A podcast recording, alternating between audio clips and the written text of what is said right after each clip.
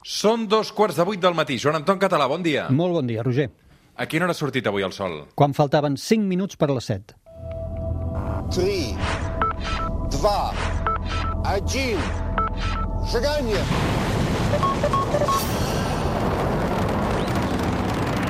One small step for man, one giant leap for mankind.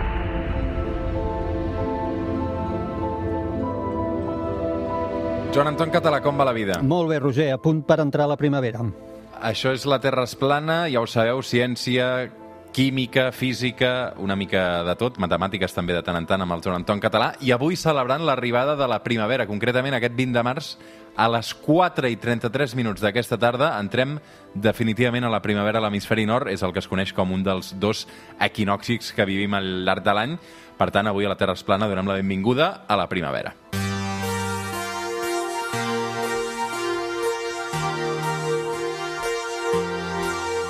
Avui canvi d'estació, d'aquí pocs dies també canvi d'horari, en aquest cas dormirem una hora menys, recordem-ho. En principi, uh, Joan Anton, uh, sabem per què existeixen i per què canvien les estacions de l'any, no? Sí, això sí, el del canvi d'horari és com el dia de la marmota, jo recordo, portem quatre temporades de la, de la Terra es plana, tu i en parlem sempre, dos cops, sempre que canviem l'horari, ens preguntem com quants anys més estarem canviant l'horari.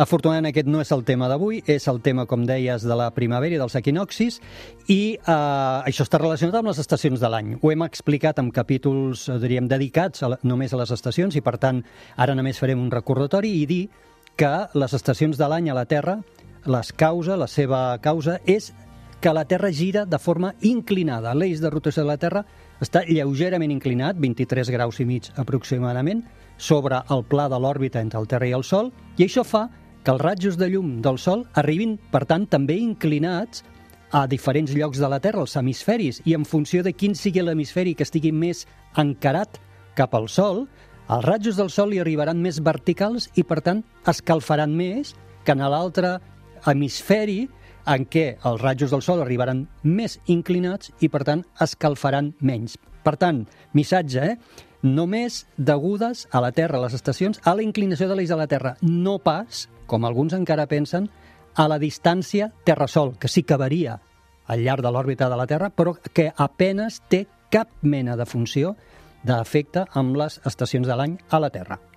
Doncs va, recordem què són i quina relació tenen amb el canvi d'estació aquests equinoxis, Joan Anton. Clar, llavors, dins de les estacions, de, del voltar de les quatre estacions al llarg de l'any, coneixem quatre moments importants, que són els equinoxis, el de primavera i el de tardor, i els solsticis, el d'estiu i hivern. Avui entrem a l'equinoxi de primavera. La paraula equinoxi ve del llatí aecus nocte, que refereix en el moment en què s'iguala la durada del dia i de la nit.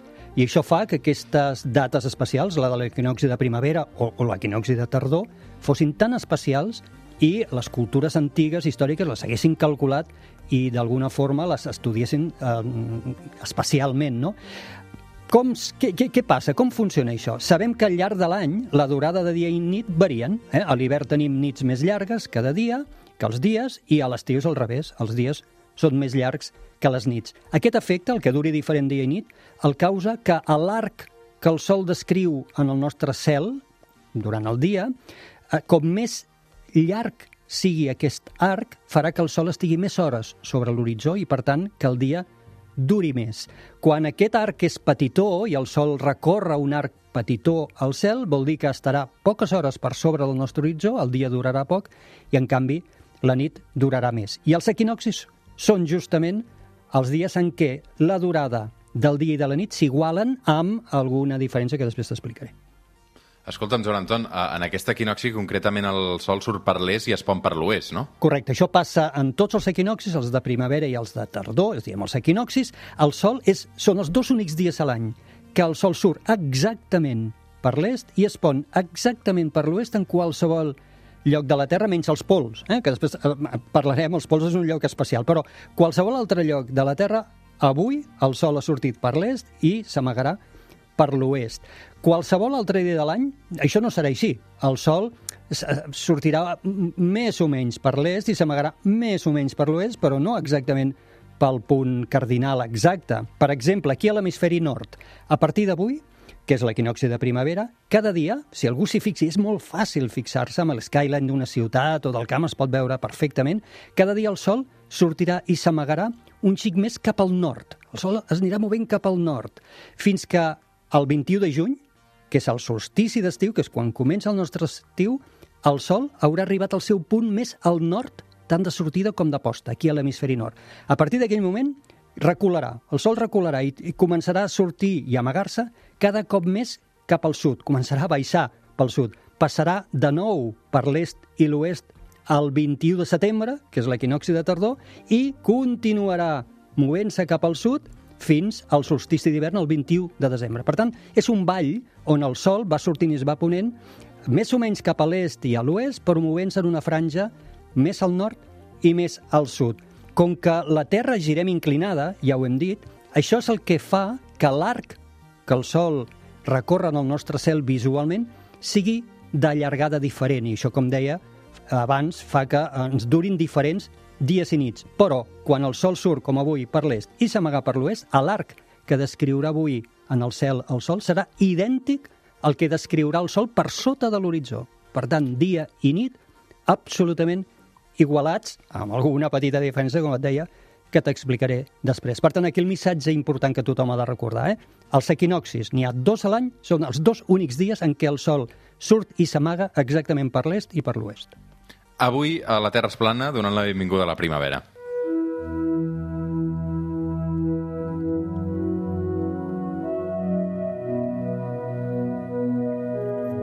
Joan Anton, què és el que defineix exactament quin moment és l'equinoxi? Clar, això és interessant perquè diem avui és l'equinoxi, però no només diem això, abans ho deies tu a l'entrada del programa, avui, dèiem, és l'equinoxi a les 4 i 33 de la tarda. Per tant, què és el que defineix aquest moment tan precís? Doncs queda definit en el moment exacte en què el centre del disc solar, vist des de la Terra, creua la projecció del nostre equador en el pla del cel. Això que sembla molt complicat, ara veuràs que és més fàcil del que sembla, perquè anem a visualitzar-ho. Imagina't una taula, aquesta taula és el pla de l'equador de la Terra, és, diríem, el pla que talla a l'equador, i ara inclinem la taula. Com que hem dit que el nostre planeta està inclinat, doncs també inclinem la taula i veiem, per tant, que una de les parts de la taula apunta al cel, es projecta cap al cel. Doncs, en el moment en què el Sol, que circula, com sabem, pel nostre cel aparentment, creui el centre del Sol, passi exactament per sobre d'aquesta projecció que fa la taula, que fa el nostre equador en el cel, aquest és justament el moment del equinoxi. I això es calcula, es calcula exactament amb les fórmules que tenim i les posicions de planetes, ho calculem. I això passa dos cops a l'any, els equinoxis de primavera i de tardor. Per cert, no cada any és perquè podríem dir, ah, doncs ja està, l'any que ve tornarà a ser a les 4.33 de la tarda. No, i això no és així perquè sabem que la Terra gira al voltant del Sol no en un número fix de dies com nosaltres aproximem a l'any, que diem a l'any ens dura 365. No, ho fa en 365,25, 6 i altres decimals. Vol dir que tenim petites desviacions que fan que aquestes dates dels equinoxis es moguin una mica. Després tenim els anys de traspàs que intenten recuperar aquesta diferència i tot plegat el que fa és que la data d'equinoxi de la primavera es mogui en una franja de dies que va normalment entre... No, normalment no, que va entre el 19 i el 21 de març. Clar, Joan Anton, eh, no sé si és veritat que el dia i la nit duren exactament el mateix eh, quan hi ha un equinoxi. Que dèiem, en principi, la teoria per la definició de la paraula, l'arrel de la paraula equinoxi, que sí, però et deia, després t'explicaré que no exactament. No, no és exactament així, una petitíssima desviació, quan es calcula i es mira la durada del dia i de la nit, veiem que, per exemple, aquí a Catalunya, la, eh, la igualació de dia i de nit va passar el dia 17. A Catalunya això va passar el dia 17. Això es coneix com la data del equilux, que vol dir igual dia que nit. Bueno, no, no és l'equinoxi exactament, eh? perquè avui, ja dèiem, avui és l'equinoxi, en canvi això va passar el dia 17. Avui, de fet, tindrem 8 minuts més de dia que de nit. I tot això per què passa? Clar, això hi ha dos fenòmens, un que és natural i l'altre que és artificial, que és humà. El primer, el natural, és l'efecte de la nostra atmosfera. Si no tinguéssim atmosfera no hi hauria aquesta diferència. L'atmosfera el que fa és distorsionar la llum en un efecte que anomenem refracció. Coneixem tots aquest efecte perquè és aquell d'un bastó que poses en l'aigua i sembla que està trencat, doncs és el mateix que ens fa l'atmosfera amb la llum del sol. I ens fa veure al matí, ens fa veure el sol per sobre de l'horitzó quan en realitat el sol encara no ha sortit. I al revés, al vespre ens fa veure el sol encara per sobre de l'horitzó oest quan de fet el sol ja s'ha amagat. Aquest és un efecte de distorsió de l'atmosfera que ens fa guanyar minuts i fa que la data de l'equinoxi, per tant, tingui una miqueta, uns minuts més de dia que de nit. I després hi ha un factor humà, artificial, que és la nostra definició totalment arbitrària de sortida i posta de sol, perquè com a referència no agafem el centre del disc del Sol per calcular quan surt i quan s'amaga el Sol, sinó que agafem la part de dalt, és, és la part superior del disc, i això fa que guanyem encara uns minuts més de dia, perquè gràcies a la nostra definició la part superior del disc eh, solar surt, evidentment, abans que el seu centre, i també quan s'amaga el Sol ja s'ha amagat la part central del disc, però encara esperarem a considerar que s'ha amagat el Sol quan la part superior s'hagi amagat. Aquest efecte artificial torna a fer que guanyem uns minuts. Joan Anton, eh, què vol dir exactament que eh, durant l'equinoxi no hi ha ombres? Clar, això només passarà a l'equador. Això també és molt, molt xulo i, i, i curiós. Avui, exactament al migdia, la, ah, i a l'equador, el sol se situarà perfectament en vertical, de forma que no farà ombres. Tu hi poses un arbre o un bastó, qualsevol cosa vertical, i no farà ombres. Que aquí, per exemple, el que també és interessant és veure què passa als pols. El nord i el sud, com abans et deia, els pols és un cas especial. Doncs pues mira, és aquell dia en què, per exemple, avui, al pol nord, el primer dia del seu llarg temporada que anirà cap a l'estiu, on el sol no sortirà ni s'amagarà, es mourà per sobre de l'horitzó i en el pol nord, aquest equinoxi de primavera, com et deia, marcarà la primera data d'aquest dia de 24 hores de llum que continuarà fins l'estiu. I a l'hemisferi sud, el pol sud, passarà al revés. Avui el sol tampoc ni sortirà ni s'amagarà, però a partir d'avui ja el sol ja començarà a amagar-se i, i marcarà el final del seu dia de llum de 24 hores que han tingut fins ara. Clar, Joan Anton, avui que parlem d'aquesta arribada de la primavera, de la mateixa manera que la religió cristiana va aprofitar o directament es va apropiar de costums i de tradicions de la festa pagana del solstici d'hivern, l'equinoxi de primavera també ha estat culturalment significatiu, no? Moltíssim. Recordem que els nostres avantpassats feien una cosa que nosaltres hem pràcticament deixat de fer, que és miraven el cel, interpretaven el cel, i lògicament se'n van adonar d'això, de la data dels equinoxis, perquè el sol sortia per l'est, es- s'amava per l'oest i durava igual el dia i la nit, i amb això, per exemple, van confeccionar calendaris. Els pobles de Babilònia, per exemple, el seu primer dia de l'any era quan es produïa la primera lluna nova després de l'equinoxi. El calendari persa, que comença justament avui, el dia de l'equinoxi. És un calendari, per cert, que encara sempre avui en dia. I després trobem moltíssims temples i monuments eh, antics que tenen l'equinoxi com un punt de referència important.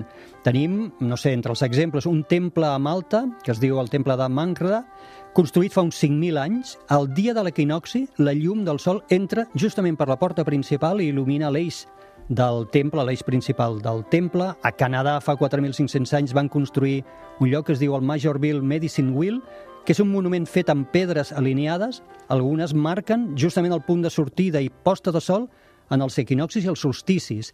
Més espectacular, pedres que marquen l'equilux, amb aquest monument que marquen el moment en què durava exactament igual el dia de la nit. Hi ha set figures de l'illa de Pasqua, que també estan orientades en funció dels equinoxis. La piràmide maia de Chichen Itza ha inspirat també molts estudis i alguns eh, estudiosos s'han adonat, s'han fixat, que al dia de l'equinoxi es projecten unes ombres, que a més estan a internet, tothom les pot anar a veure, unes ombres sobre les escales, que fan exactament la forma d'una llarga serp. Per tant, ja, ja veus, eh? les cultures antigues ho coneixien molt i per ells era, era un moment important. Joan Anton, uh, clar, l'equinoxi també lliga amb la religió cristiana amb el tema de que crec que després es calcula la Pasqua, no? Exacte. Mira, això ho, va, ho van decidir el concili de Nicea a l'any 325 i van decidir com s'havia de calcular la data de Pasqua. I van definir que seria el primer diumenge després de la primera lluna plena de primavera, és a dir, l'equinoxi. Però com que realment això de l'equinoxi no ho controlaven gaire, ho van simplif simplificar i van dir a l'equinoxi serà el 21 de març. És igual, passi el que passi, passem dels moviments de la Terra i tot serà el 21 de març. Eh? Per, I llavors, ara ja sabem com es calcula la data de Pasqua. Per exemple, enguany, tenim que l'equinoxi és avui, dia 20, però agafem el 21, eh? per aquesta simplificació que vam fer, agafem el 21. Doncs la propera, la pròxima lluna plena és el 6 d'abril.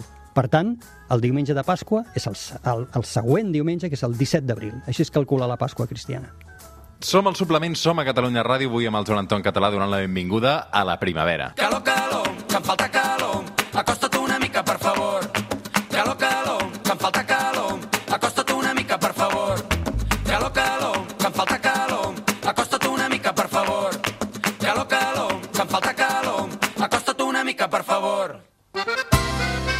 Ara, una mica d'alegria, Joan Anton.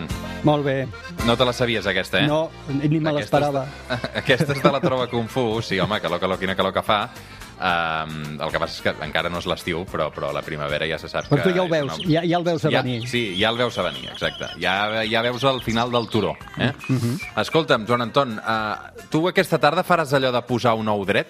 No, no ho faré, però recomano a qualsevol que vulgui, que vulgui fer que ho faci. És una llegenda que diu que els dies de l'equinoxi un pot posar un ou perfectament dret sobre un dels seus extrems i s'aguantarà, eh, en perfecte equilibri. I veureu que si ho proveu i amb paciència és, és de debò, és veritat. Però també us convido co- a que ho feu qualsevol altre dia de l'any perquè també ho podreu fer. És dir, que és una llegenda absoluta. Fantàstic, Joan Anton Català. Va, acabem. Què hi passarà aquesta setmana al cel? Uh, continuem amb Venus brillantíssim sobre l'horitzó est, quan clareix el dia, Mart més pàl·lid i vermellós, i Saturn continuen al costat de Venus, en aquest famós i bonic triangle que dèiem la setmana passada, i el que és més xulo és que dissabte vinent s'hi sumarà la lluna minvant, per tant serà un veritable espectacle. Joan Anton Català, un plaer, com sempre. Gràcies, Avui un igualment. capítol dedicat a l'equinoxi, ben atents aquesta tarda eh, i, i pendents també de l'arribada d'aquesta primavera. Esperem que, que vagi tot bé i que ens porti també bon temps i algunes pluges, que prou feina falta també al país. Joan Anton, cuida't, una abraçada. Igualment, gràcies. Ara tornem.